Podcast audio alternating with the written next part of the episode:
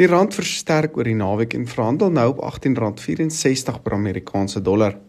Die versterking is gedryf deur inflasiesyfers wat laer ingekom het as wat verwag en daal plaaslike inflasie na 4.7% in Julie. Swakker verwagte en diensname syfers in Amerika wat ook hierdie week gepubliseer gaan word, kan ook dalk beteken dat rentekoerse in Amerika sywaarts kan bly, wat natuurlik ons plaaslike rentekoerse ook onveranderd kan laat. Die Brent oliepryse het ook sywaarts gebly met die nuutste prys op 85 dollar per vat. Investeerders is steeds bekommerd oor lae globale vraag en moontlike hoër produksie, veral as sanksies teen Venezuela en Iran verlig kan word. Hierdie week in die vleisbedryf het die gemiddelde speenkalfprys gestabiliseer op R34.21. Kalvers onder 200 kg verhandel op R35.75. Kalvers tussen 200 en 250 kg verhandel tans op R33.69 terwyl kalvers bo 250 kg op R32.95 verhandel. Die gemiddelde A2 karkasprys verhandel meestal sywaarts op R52.60 terwyl die C-graadprys daal na R46.13. In vergelyking met laas jaar die tyd is die A23 prys tans 17% laer terwyl speenkalfpryse ongeveer 6% laer is. Ek voel ons kan nou beter pryse begin sien met slagpryse wat kan styg en dan ook speenkalfpryse moontlik optrek. Maar ek dink steeds nie die stygings uh, kan so drasties wees soos laas jaar nie en kan meer stelselmatig wees oor die volgende 2 maande. Die gemiddelde stoorlamprys daal na R39.52 met laer pryse veral in die Suid-Kaap wat tans die gemiddelde pryse aftrek.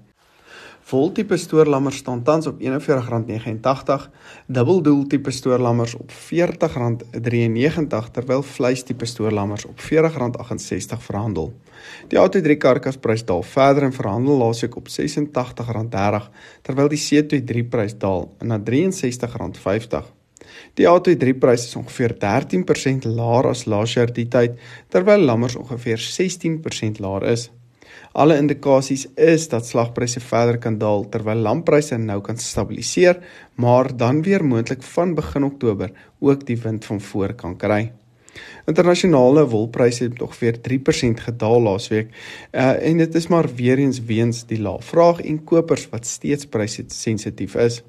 Daar was geen plaaslike veiling nie en bly pryse dus onveranderd. Wat nogals uitgestaan het uit die kommentaar op Australiese veilinge is dat verkopers meer bereid is om die lae pryse hierdie jaar te aanvaar in vergelyking met laas jaar.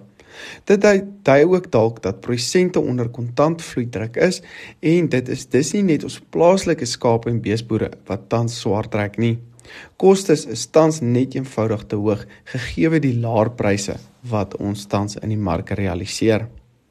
Die gevriesde hoendervleisprys verhandel hoër op R35.23. Die varsprys styg na R34.74 met die EQF prys hoër op R32.46. Hierdie pryse is gemiddeld 10% hoër in vergelyking met laas jaar. Ek voel steeds dat hierdie pryse sterk opwaarts kan neig oor die volgende 2 maande, maar hou net in gedagte as die rand baie versterk, hierdie stygings minder kan wees. Varkpryse styg verder die afgelope week en behoort dit verder te styg, gegee ons nou in die warmer maande begin inbeweeg. Die kudde is ook aansienlik kleiner en kan dit pryse ook 'n ekstra opstoot gee soos ons na die einde van die jaar beweeg. Maar onthou net, soos ek laasweek ook genoem het, laer beeste skaappryse asook laer vraag in vergelyking met die vorige 2 jaar kan hierdie opwaartse potensiaal egter beperk. Die gemiddelde spekvarkprys staan tans op R32.06, vleisvarkpryse op R33.01 terwyl die nuutste worsvarkprys gestyg het na R24.68. Grootbokpryse het laasweek gestyg na R46.26, kleinbokke daal na R56.08 met bokoeipryse hoër op R41.36. Die verwagting is steeds dat ons van begin September weer na afwaartse prystendens gaan inbeweeg.